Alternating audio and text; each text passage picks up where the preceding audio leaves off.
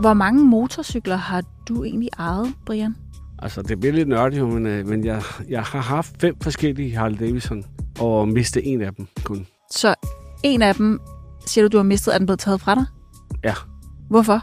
Det var en platul, der blev medlem af HA, som senere også selv røg ud, og, og den dag i dag er faktisk død. Men han tog din motorcykel, fordi du ikke længere var medlem? Ja, fordi han lavede sådan, man kalder en rulleforretning.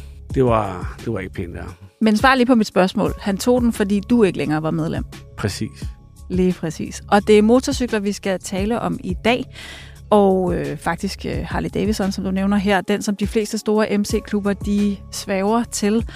De larmer, de fylder i gadebilledet, og øh, der køres cortager, og så er de rigtig dyre og tilhører for det meste klubben. Det ved du en del om, Brian, men øh, jeg har også allieret mig med en journalist, som virkelig har gravet sig ned i det her med rockerklubber og de første motorcykelbander i Danmark. Carsten Norton, velkommen til. Tak. Forfatter til en del bøger om Hells Angels, så er du vært på Skyggesiden på TV2, og det program på Podimo, der hedder Banderelateret. Ja. Så har vi styr på alle titlerne der. Velkommen til, og velkommen til Baglisten. Hver uge går vi på opdagelse i det kriminelle mindset og kigger på fortid og nutid i den danske underverden. Jeg kan kun tage udgangspunkt i mit eget liv, mine egne erfaringer, og dem er der så sandelig også mange af. Velkommen til Bag Vesten, en ekstrabladet podcast. Brian, hvorfor har du egentlig solbriller på i dag? Om det var fordi, at øh, jeg glemte at skifte briller sidst jeg var herinde. Mit navn det er Camilla Marie Nielsen, og med mig i studiet har jeg Brian Sandberg. Carsten, så er det jo noget med, at du faktisk også selv kører på motorcykel. Ja, det er rigtigt. Hvad er det for en? Er det også en Harley Davidson? Det er det ikke, nej. Jeg har en Ducati, så en, en lidt anden stil, ja. En lidt anden end, øh, end de der brølende monstre, som vi nogle gange ser i cortagekørsel på, i rockerklubberne. Mm. Allerførst, hvad har motorcyklen sådan helt historisk betydet for rockerklubberne? Jamen, altså eksempelvis Hells Angels er jo en klub, der er funderet omkring motorcykler. De hedder jo også ret lidt Hells Angels MC, hvor MC'et står for Motorcycle Club. Øhm, så i sin, øh, sådan, hvad skal man sige, sin tilblivelse, der er både Hells Angels og Banditers og de andre klubber, der kalder sig for MC, motorcykelklubber, øh, funderet omkring et fællesskab, hvor mænd kører på motorcykler sammen. Så det var et krav, at man havde en motorcykel for at være en del af Hells Angels? Ja, eller man kan også sige, ellers ville det jo være mærkeligt at melde sig ind i en motorcykelklub, hvis ikke man havde en selv. Hvis man så kigger tilbage på sådan helt oprindeligt øh, i USA, da de her klubber begyndte at blive til, der var det ikke et krav, at det skulle være en, en Harley Davidson. Øh, der var det et krav, at man havde en motorcykel øh, ofte af en vis størrelse, øh, og så sidenhen er der så kommet nogle forskellige retningslinjer, øh, ikke mindst uden for USA, hvor man sådan er mere rigid med, hvad det skal være for en type af motorcykel. Og det her det er jo sådan lidt det historiske perspektiv på motorcyklen for, for øh, de etablerede øh, rockerklubber, MC-klubber. Øh, Brian, hvad betyder øh, motorcyklen i, i dag, hvis du skulle vurdere det? Jamen, det er grundstenen i, i, i de to klubber, jeg har været med i. Nu, nu kan, jeg, kan jeg tale mest om, om Hells Rings, for der har jeg været i, i flest år. Og der er det grundstenen, og det er det stadigvæk. Altså, det, det er i hvert fald meget for kvaklet, hvis man tror, det ikke er det mere. Fordi det er det i allerhøjeste grad. Det skal du være i besiddelse af, når du starter i klubben. Du skal, du skal være 21 år gammel, og du skal være besiddet af en Harley Davidson.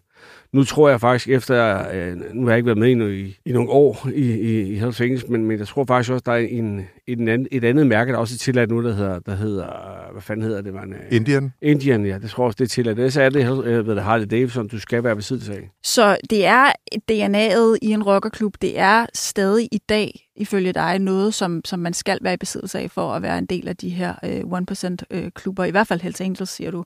Var det det samme i Banditas, da du var der?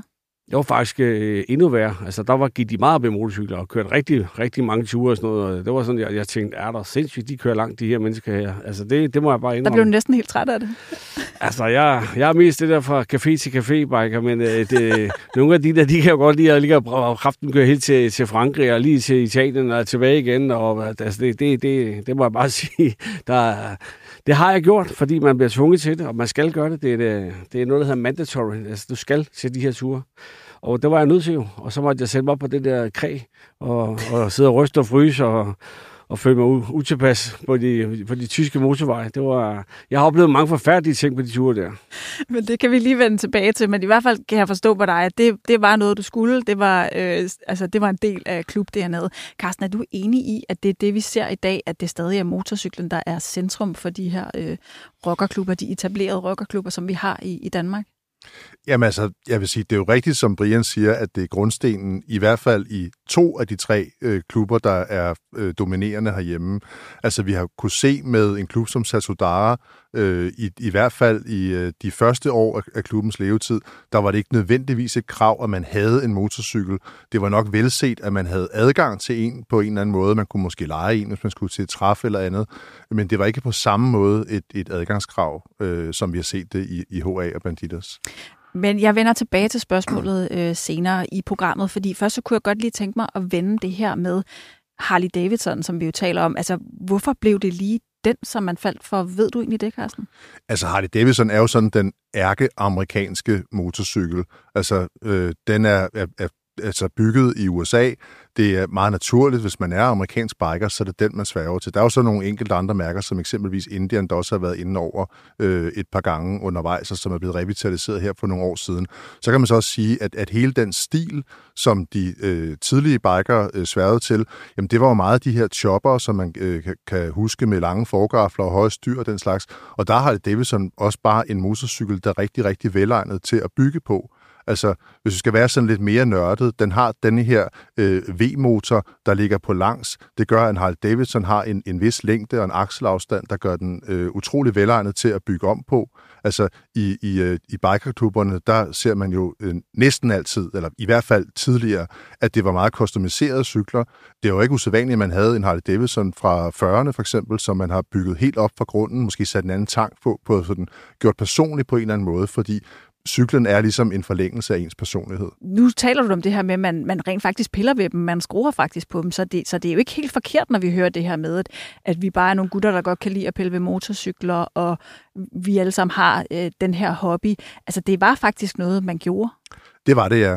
Og hvis vi ser tilbage på de første danske øh, jeg kaldte det rocker læderjakker, jamen der var det jo ikke nødvendigvis en Harley Davidson. Øh, der kunne det lige så godt være en, øh, en Nimbus, altså den danske motorcykel. Øh, det var også udbredt at køre på engelske motorcykler som øh, BSA og Triumph, og senere begyndte også at komme øh, nogle af de japanske motorcykler til. Så det var først sådan med, med indtoget af de her amerikanske bikerklubber, at der begyndte at komme nogle dogmer for, hvad der ligesom var den rigtige motorcykel at køre på.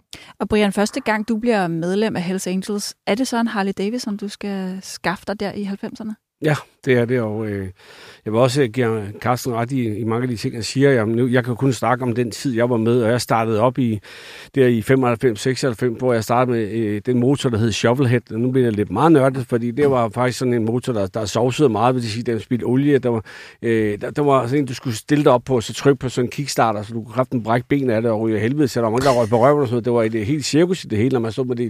Der havde man kopperstøtter på den gang og sådan noget. Det var rigtig smart, ikke? Det var og lidt en anden starte, Ja, jamen, det var starten, det var sgu de ja. old school. Ikke? Og kort tid efter kom der det, der hedder Evo-motor, øh, som det var langt federe og ikke blev så varm og sådan noget, og ikke spildte så meget olie. Og, og, og herefter så, så gik det hak i hak. Jeg startede med at have sådan en shovelhead, og så fik jeg en, øh, noget, der hedder FXR, og røg ved sådan noget, der hedder Softail. Men, hvad, så, men hvordan kom du overhovedet i besiddelse af den? Sparede du selv op? Tog Jamen, du lån i klubben? Lad mig lige færdiggøre det, for jeg har haft fire, fire motorcykler. Det var for at fortælle den evolution, evolution, der er om de der gamle motorcykler. Øh, og så endte jeg op med til allersidst at have noget, der en V-rot som, øh, som blev lavet. Så det var nu har de det på plads, for Nu har du alle ja. modellerne på plads, ja, ja. ja, for nørderne, men, men jeg vil bare gerne vide, hvor, hvordan fik du så fat i en? Jamen, altså, hvad er praktikken omkring det? Sparer du selv op? Er det klubben, der hjælper med et lån? Hvad, hvad... Altså, jeg fat i en motorcykel, jeg købte den jo. Det er ja, ligesom alle andre ting, så skal du ud og købe den. Øh, dengang, der, der var der ikke alle de der finansieringsmuligheder, så der måtte man afdrage enten en af de andre øh, medlemmer, som havde en gammel øh, kværn til salg, som øh, han var ved at bygge en ny, og så fik han øh, den her hangaround til at købe sit gamle lort, ikke? og det var sådan, at jeg ligesom fik min første motorcykel, ikke? Øh, så afdragede jeg ham lidt af, af mine, øh, de penge, jeg havde på daværende tidspunkt, der var jeg bundkriminel, så der kan vi godt øh, gå skære ind til benet, så fik han måske nogle penge hver måned, og så efter nogle måneder var det min motorcykel. Øh, det får at være helt ærlig. Men, men man skulle have den, og det var, der var ikke noget. Du fik ikke nøglen til det klubhus, og fik lov at starte som hangaround, før din motorcykel stod over i på værkstedet var klar. Når du taler om det her med motorcykler, så lyder det næsten en lille smule besværligt. Den første, den spiller olie ud over det hele, og du sidder og sveder, når du skal køre langt. Og, altså, var det motorcyklerne for dig, der, der, der gjorde, at du blev en del af en, en rockerbande?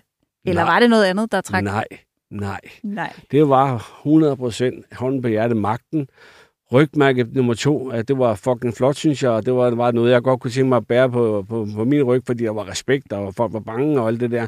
Og så motorcyklen, det kom så som nummer tre, hvor jeg tænkte, hold kæft, de er egentlig også meget fede. Jeg kommer fra en side, hvor man kører på kanaler, så jeg har altid kørt på, på to hjul, og godt lide det der med at køre stærkt og sådan noget, men, men det kom som det tredje. Men overvandt så også det der, fordi så begyndte man jo at tænke, hold kæft, de har mange fede højstyr, du ved, og mange med masser af krom, så, var de, så begyndte man at kigge på det også. Men først og fremmest, så var det, så var det magt. Øh, Carsten, nu har du skrevet en del bøger om, om Hells Angels, og du har ligesom også researchet det her miljø. Det her, som Brian fortæller, altså at det nok ikke lige er motorcykelfællesskabet, der tiltrækker ham. Er du også stødt på den?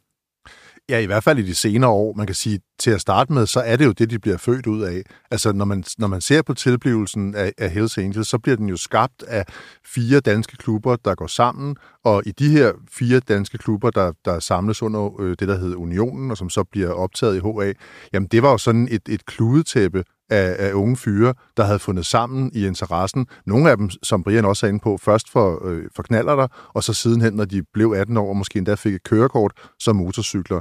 Men der var, der var det det her meget, meget spraglede billede, hvor ja, en hvilken som helst øh, cykel kunne egentlig øh, gå. Og så på et tidspunkt begyndte man at, at indføre i første omgang ikke krav til, hvad mærke det skulle være, men så skulle det for eksempel være en motorcykel, der havde en motor på mindst 750 kubik, så man ligesom sorterede de, de mindre fra. Man ville så ikke man kunne sådan, larme lidt mere, eller, eller hvad Ja, man havde en, en vis øh, øh, råstyrke mellem benene på en eller anden måde. Ikke? Øhm, men, men det bemærkede igen, som vi sikkert kan vende tilbage, så det kom først langt senere. Men motorcyklen er jo så også en del af klubbens traditioner. Det har du også været lidt øh, inde på, Brian.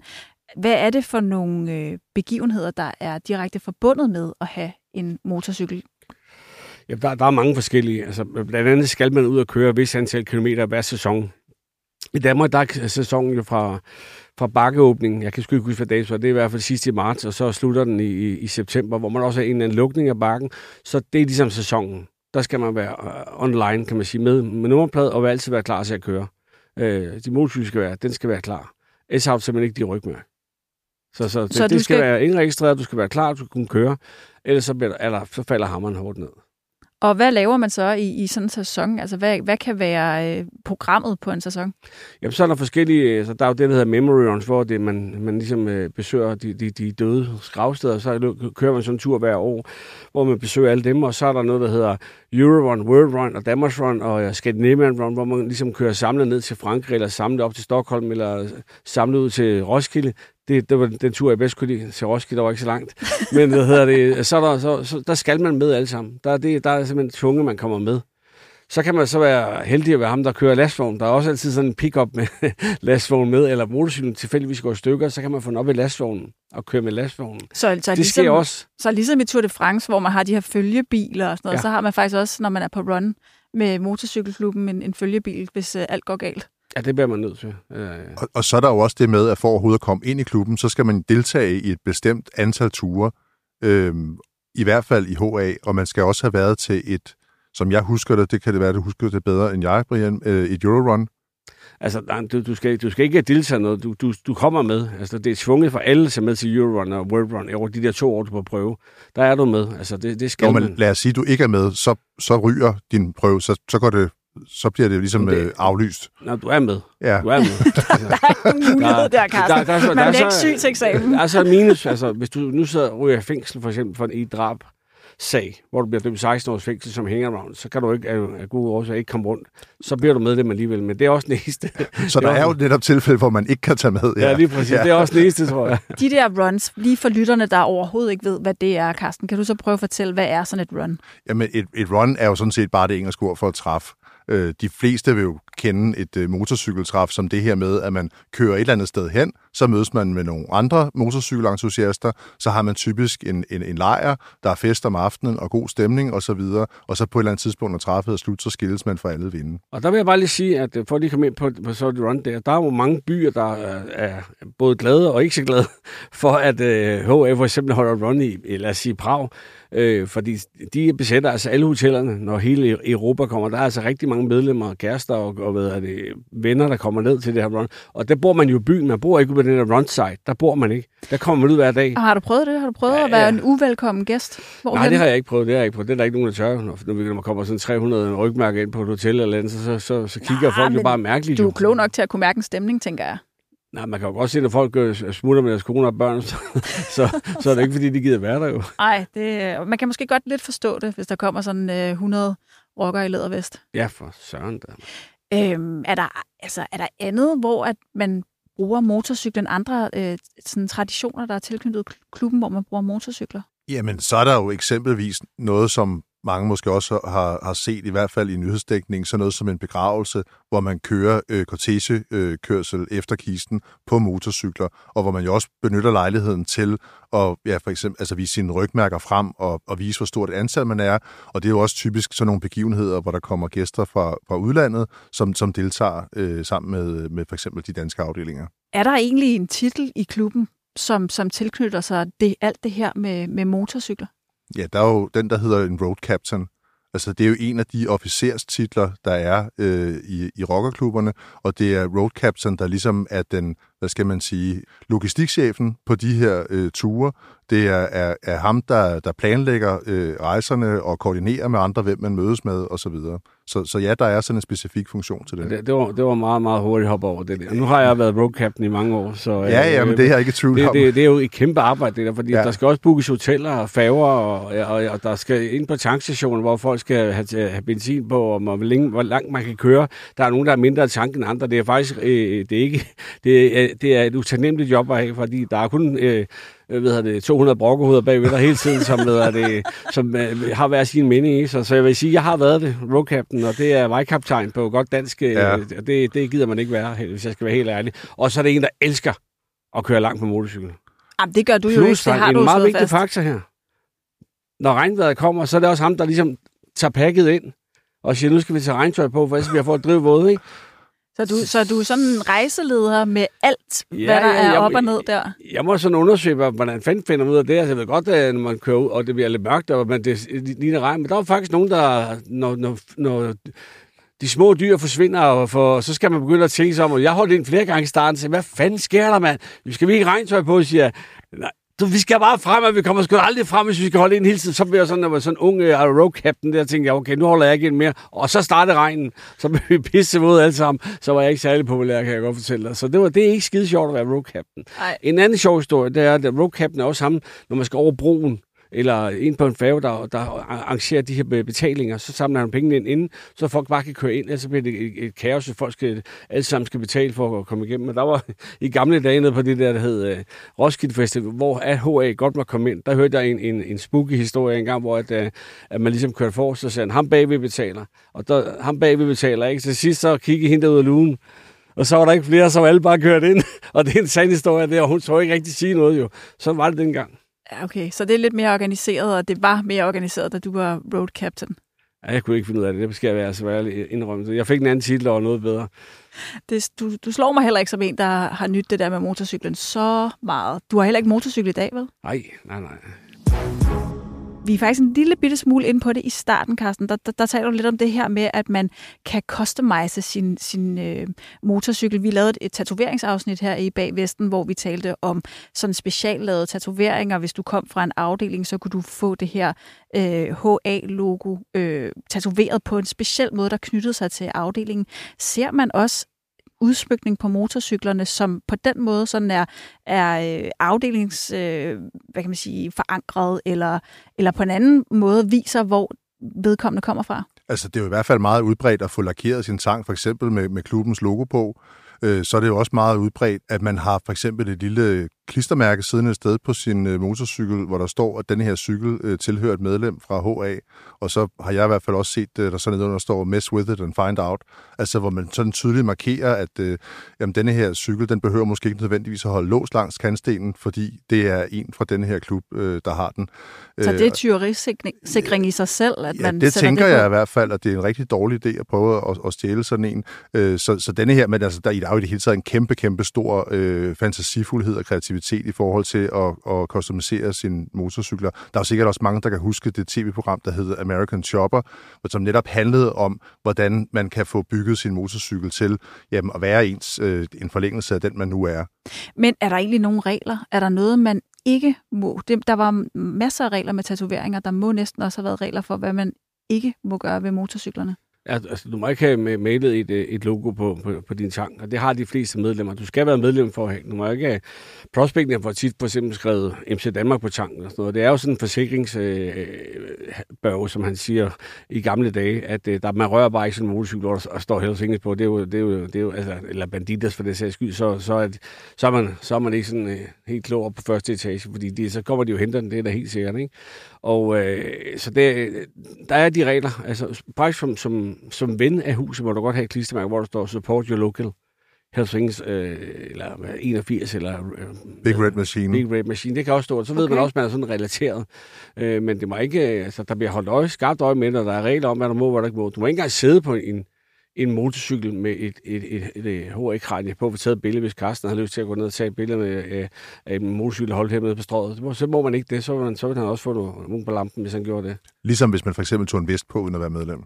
Ja, det må man altså heller ikke overhovedet. Det er no-go. Det overrasker mig igen og igen, hvor mange regler der egentlig er i en klub, der, der ligesom på en eller anden måde bryster sig af at stå uden for reglerne. Jeg har sagt til, at der er flere regler i, i de miljøer, end der er i en grundlov. Det er helt, helt vildt overraskende. Øhm, i starten så spurgte jeg dig det her med, om du har fået taget en motorcykel fra dig. Og nu siger du selv, Brian, at du betalte selv din, øh, din motor, den første motorcykel, men, men er der aldrig eksempler på, at klubben ejer motorcyklerne? Nej, der, der kan være nogen, øh, nogen der, har, der sidder godt i det økonomisk, som køber en masse motorcykler, og så de leger ud. Øh, og, og sådan sagde Røg jeg faktisk ind i med et medlem for, for Copenhagen, øh, for Svanevej, som, som havde rigtig mange penge og, og ligesom købte en masse tyske motorcykler, så lejede han dem ud, sådan, så der var også der ikke kunne stå for, fordi man skyldte skat eller eller andet. Vi lavede dem så ham, men han fuckede så op og øh, røg ud, og så måtte man øh, ligesom øh, alle de motorcykler, der ligesom, det var min jo, for jeg havde betalt til ham, så skulle hans lejlighed sælges, så der var et kæmpe regnskab, der skulle gøres op der. Så man, man holder altid motorcyklerne tilbage, for at se, om folk skylder penge. Så man bruger motorcyklerne som sådan et, altså nu kalder jeg det sådan et pressionsmiddel, men i hvert fald sådan et...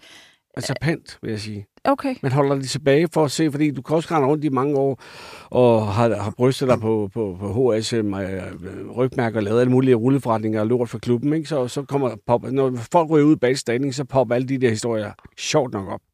Altså... Ja, ja, altså nogle gange så står de jo nærmest i kø. Altså, ja. så, og så, så er der øh, den ene undskyldning efter den anden, virker det som om, for at lense det der medlem, der er røget ud i kulden. Jamen, det, det er der hårde regler om, det kommer lige til. Altså, det, det skal være facts, der kommer op på møder og sådan noget. Derfor holder man den tilbage. Er der altså ikke noget, man skylder eller noget, så får man den altså udleveret igen. Så, så, så groft er det ikke, som, som, som man godt vil have det lyder til. Det er det ikke. Du får den altså igen, hvis det er, du ikke skylder noget. Men øh, så har du for eksempel sådan fået HA skrevet på, på køleren eller, eller et eller andet andet. Det skal vel så fjernes?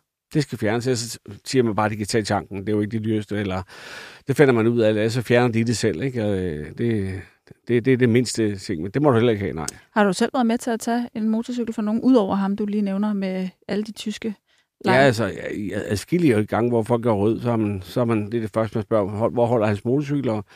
Og så, øh, ja, så, så snakker man med, har nogle møder med det her medlem, der er rød og så, øh, så, så kører man, man ud, kører man så ud, og så henter man kværnen? Nej, nej, som regel står de i klubberne. Det, meste, det, det er jo det mest sikre sted. Det er også der, hvor der altid er vagter i klubberne. Det er jo, fordi motorcyklerne står der, ikke? Og øh, man skal endelig ikke se fejl af, at, de, at man går meget op i de motorcykler. Det er lige for at vende tilbage til det der med custom build. Det gør man altså. altså. Der er mange, der får bygget nogle rigtig, rigtig flotte motorcykler og, og, og, og får mange penge på dem.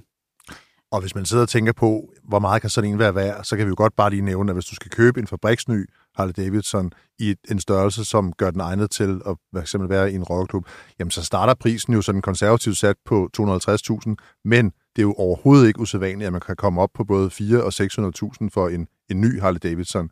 Så hvis der står øh, en, øh, en håndfuld eller mere af dem, så repræsenterer de jo altså en temmelig betragtelig værdi. Altså, de, helt, de helt nye koster helt op til 800.000. Ja. De der, det, det hedder Dynat Like, eller fanden, hvor de har lidt næsten bil, der kommer kørende. De er rigtig dyre. Og det, det var sikkert på den første, jeg havde dernede i, i, i South. Øh, South hedder nede i Snolledev. Der fik jeg sådan en shovel Den kostede 65.000. Ja, det er lidt nogle andre priser. I 1995. Men øh, nu taler vi om øh, motorcyklens sådan historiske betydning, og øh, du var ligesom inde på det her med, at der var, der var en klub, der er en klub i Danmark, hvor man ikke, i hvert fald til at starte med, satte det her med at have en motorcykel så højt. Hvad var det for en klub, og, og kan du fortælle lidt om, om det, Carsten? Jamen, det var jo Satsudara, som til at starte med ikke, hvad skal man sige, havde det som et, et krav. Der gik rygter, og jeg vil understrege, det er rygter om, at hvis man ikke havde en motorcykel, jamen så kostede det altså også noget mere i kontingent, fordi man må ligesom kompensere for, at man ikke havde adgang til, til, til det her adgangskrav. Øh, og så øh, kan man så sige, jamen når, når Satsudar så har manifesteret sig ved, ved træf, ved fester og lignende, jamen så har man så kunne se, at motorcyklerne alligevel har spillet en stor rolle. Og i den øh, udgave, vi kender den klub i nu, hvor de hedder Comanches, øh, der synes jeg i hvert fald, at man kan bemærke, at, at øh, motorcyklerne spiller en, en noget mere fremtrædende rolle, end de har gjort tidligere. Og der kan man jo så også måske gætte på, at det er et, øh, et klogt træk øh, fordi der bliver jo nogle gange rumsteret med denne her øh, forbudssabel, øh, hvor man øh, fra myndighedernes side prøver at gå efter øh, de her klubber og undersøge, om man kan deklarere dem som, øh, som øh, kriminelle organisationer. Det har man jo ikke øh, haft held til hidtil, netop fordi de har kunne øh, trække det her kort, der siger, jamen vi er faktisk en motorcykelklub, øh, vi er også nogle vilde drenge, så det kan godt være, at der er nogle af os, der laver lidt ballade en gang imellem, men det er ikke noget, vi gør som forening, det er noget, folk de gør hver især. Nej, og det var jo også det, vi så med LTF-forbudssagen. Der kunne de netop ikke sige, at de havde noget fælles øh, altså, at lave, ud over det at være en bandegruppering. Der var ikke nogen, der, der gik til bordtennis øh, sammen hver torsdag. Eller, altså, der var ikke noget, som, som, som klubben på den måde øh, var forankret i, ud over øh, jo så det, der gjorde, at de til sidst blev gjort øh, forbudt ved lov jeg kan huske Satudara i starten, øh, og det der med, at de faktisk i mange år ikke havde motorcykler. Da et medlem blev slået ihjel i 2016, og han skulle begraves, så blev de jo faktisk nødt til at hente folk fra udlandet. Altså, øh, nu var det en, en, en hollandsk øh, klub, så der var rigtig mange fra Holland. Jeg, jeg så også rygmærker helt fra Australien. Men, men simpelthen motorcykler, som, som var kørt ind i landet og måtte være med til, til begravelsen øh, i Ballerup, for at de netop kunne lave de her øh, motorcykelkorteger. Og det var jo altså tre år efter, at de var startet i Danmark, så det er noget, der har taget tid, det her med at bygge op at man, at man har øh, medlemmer med motorcykler. Det er i hvert fald mit indtryk. Så slår øh, x lige alarm her, det, fordi det, altså, hvis man kommer til begravelse, så kommer man for at støtte klubben, og, øh, og selvfølgelig gerne på motorcykel, fordi det er en, en, en motorcykelklub. Og øh, jeg vil også sige, de er også, øh, efter de blev øh, Comanches, så synes jeg også, man ser mange billeder med rigtig mange motorcykler, men det, de folk, jeg kender fra, fra, fra de klubber der, de har altid kørt motorcykler, og, men selvfølgelig har man set et hul i starten for at få nogle medlemmer ind, fordi det var jo ligesom en gadebande først, og så ændrede det sig, og så tror jeg, det har taget noget tid at ændre, at det er faktisk det her, vi godt vil have, det er motorcyklerne, fordi jeg tror ikke, en motorcykel MC-mærke gør, at de bliver forbudt eller ej, for det, det er noget at gøre med kriminaliteten. Så kan man have alle de motorcykler, man vil, så bliver man forbudt. Men, men nu siger du det her med, med bandegruppering. Satudara blev, blev jo netop skabt af, af særligt af medlemmer fra den, der hed Værebros hårde kerne, den her øh, bandegruppering. Altså nogle mennesker, som, som i hvert fald ikke, vi kender ikke Værebros hårde kerne som en rockergruppering eller bandegruppering, der kørte rundt på motorcykler. Altså de havde ikke den der interesse og for motorcyklerne. Havde. Nogle havde. Okay, og det, det er måske også en af grundene til, at man trækker i rockervest, eller? Nå, ja, men um, nogle af dem kører faktisk på motorcykel engang. Så, altså, det, var, at det er jo sådan her med, med, med, med mænd og drenge, og med, så man, altså, vi kan jo godt lide det der motorcykler. Det er jo ligesom at sætte sig ind i en, en Ferrari, så, altså, at sætte sig op på en Harley. Det, det, det, det er den der kontrast, der er. Så selvfølgelig, hvis man, når først man kører den, så er det jo virkelig fedt jo. Så der var nogen, der kørte det, vil jeg lige sige, i meget unge alder, øh, og, og som altid har været bit af det. Og i mange af de der områder, der har de også kørt scooter og sådan noget. Det er godt, det lyder helt åndssvagt, men vi kørte jo også knaller dengang jo. Altså, da jeg var knægt, og, og, og så senere blev det motorcykler, og man fandt ud af, at det er federe at køre. Så altså, jeg er ikke helt enig med, at der var nogen, men igen, så var det det med en gadebande, som måske blev til en motorcykel, og det har taget tid. Men, men så lad mig lige være djævelens advokat, fordi nu ser vi for eksempel også HA optage medlemmer, som ikke nødvendigvis har, altså har vist en tidligere interesse for, for motorcykler. Altså øh, de helt øh, nye optagelser i Hells Angels er fra gadebanden NNV, og altså, det er jo også et tegn på, at man i en klub som Hells Angels kigger andre steder, ikke nødvendigvis mødes over motorcykelfællesskabet, eller hvordan? Ja, det kan du sige, men vi kan jo også konstatere, at det har jo ikke været helt øh, gnidningsfrit. Altså, øh, det, det image, der eksisterede en, en gang, øh, det virker måske ikke så attraktivt for nogle nye generationer. Altså, det, det er jeg sikker på, at Brian også kan, kan ikke genkende til. Altså HA er jo også en klub, der har forsøgt at forny sig nogle gange gennem tiden, og det her øh, image fra 70'erne og 80'erne med, med, med langt hår og fedtet skæg og lædervest, jamen det har jo haft sådan, hvad skal man sige, øh, dalende interesse måske for, for unge mennesker, så man også været nødt til at prøve at tiltrække øh, folk på nogle andre parametre, og det vi så har set senest, jamen, det er jo, at man har taget folk ind, som du også siger, fra, fra gadebanderne. De er skolet på en, en lidt anden måde end, end rockerklubberne, som er, er meget sådan øh, hierarkiske og, og, og disciplinære i deres øh, tilgang til at optage nye medlemmer. Og det må vi jo så bare konstatere, det har også øh, skabt nogle problemer, og måske også øh, flyttet øh, fokus lidt fra nogle af de kerneværdier og den sådan fortælling, man har om sig selv. Ja, det må man sige, men vi, vi ved jo så i hvert fald, at, at da de blev optaget, da de blev fuldgyldige, så havde de også motorcyklerne i orden. Så den regel er altså stadig en del af, af Hells Angels. Ja, den regel er ufravigelig.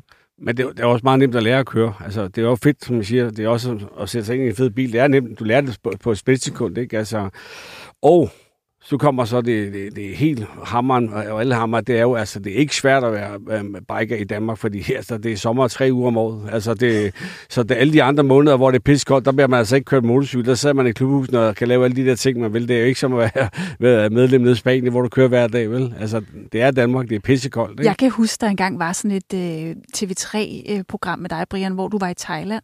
Og der var du virkelig træt af, at du skulle sætte dig på motorcyklen i, i den der varme med lædervesten. Jamen, det, det kan jeg huske, jeg blev mærke i. Det er bare varmt, når du kommer ned til nogle steder, der man og, og skal have lædervest på og lange bukser. Der er jo forskellige regler også, for eksempel. Der er nogle steder, klubber uden at skal navn på, de skal have lange bukser på, når de kører motorcykel. Og andre, de må godt have shorts på. Og der er igen regler, som vi snakker om.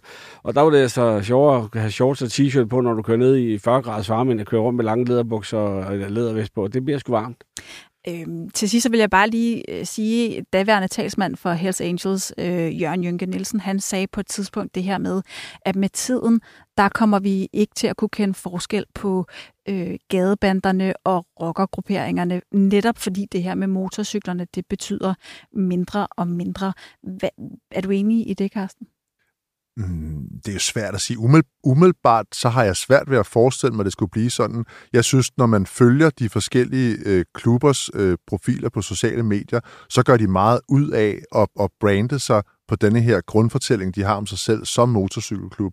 Altså hvis man følger øh, forskellige, øh, ikke måske nødvendigvis de enkelte medlemmer, men de forskellige afdelingers øh, profiler på Instagram fra eksempelvis HA, jamen så er det meget tit motorcykelbilleder, vi ser. Vi ser det også øh, øh, fra øh, Comanches, eksempelvis deres afdeling i Spanien, jamen der er meget tit billeder, hvor de kører rundt øh, i de andalusiske øh, bjerge på deres motorcykler. Så jeg vil sige, at det her, det er en meget stor del af deres øh, fortælling om sig selv, øh, og en meget stor del af deres selvforståelse. Så skal jeg måske også lige tage det med grænsalt med Jynke. Øh, den gode Jynke, han er også en, en mavesur mand, der jo har spildt hele sit liv, kan man sige, eller brugt hele sit liv på at være med i en, i en klub, som, som så smider ham ud. Så selvfølgelig vil du ikke få noget ud af ham, der er glorificerer noget. Han vil nok være mavesur, og det er måske... Men man, man må sige, altså der, der er jo nogle tegn på, at man i hvert fald internt i Hells Angels har været lidt utilfreds med de nye optagelser af, af NNV-bandemedlemmerne, og at man også mener, at det fraviger de her værdier, som Hells Angels traditionelt har stået for. Altså, jo, jo, så der er en udvandring. Jo, jo, men at der er en eller anden sådan udvandring i alle værdierne, som man kendte før, og så hvad de er i dag. Men Harald Davidson vil altid ligne Harald Davidson, og det vil altid lyde som Harald Davidson. Så det er det, vi snakker om, og det er det, jeg siger, det tror jeg ikke på, at de går væk fra. Vi kan jo i hvert fald ikke øh, spå om fremtiden og hvordan en fremtidig rockerklub ser ud, men lad os i hvert fald slå fast, at I tror, at den her motorcykel den kommer til at være omdrejningspunktet for klubberne i lang tid i, i nu. Inden jeg runder af, så vil jeg bare lige sige tak til den lytter, som faktisk har tippet om, øh, om det her emne i dag. Det er rigtig, rigtig fedt, når I skriver ind med idéer, og vi vil selvfølgelig altid gerne prøve at løfte dem så godt, som vi kan her i studiet. Så kom endelig med flere. Hvad vil du sige, Brian? Jeg har bare et spørgsmål til Carsten Norsum. Mm. med det der skæg, du har der. Er, det, og du, er du biker? Det er jo hipsterbiker, du er det ikke sådan der? Hvem vil du helst, det, altså er det, er det Stavning, eller er det en af de gamle rocker, du helst vil lide med det skæg? Og det er et, et stort spørgsmål. Det er sådan altså, eksistentielt på en måde, ikke? Ja, det er nok ikke stavning. og så graver vi ikke mere i det, og hvis ikke man ved, hvordan Carstens skæg ser ud, så tror jeg bare, man skal google ham. Det, er det tror jeg er det, det smarteste. Tak. Carsten Norton, tusind tak, fordi du var med i dag. Selv tak. Tak til Rasmus Søgaard ude i regien for altid at gøre bagvesten rigtig lækker, og tak fordi I lyttede med.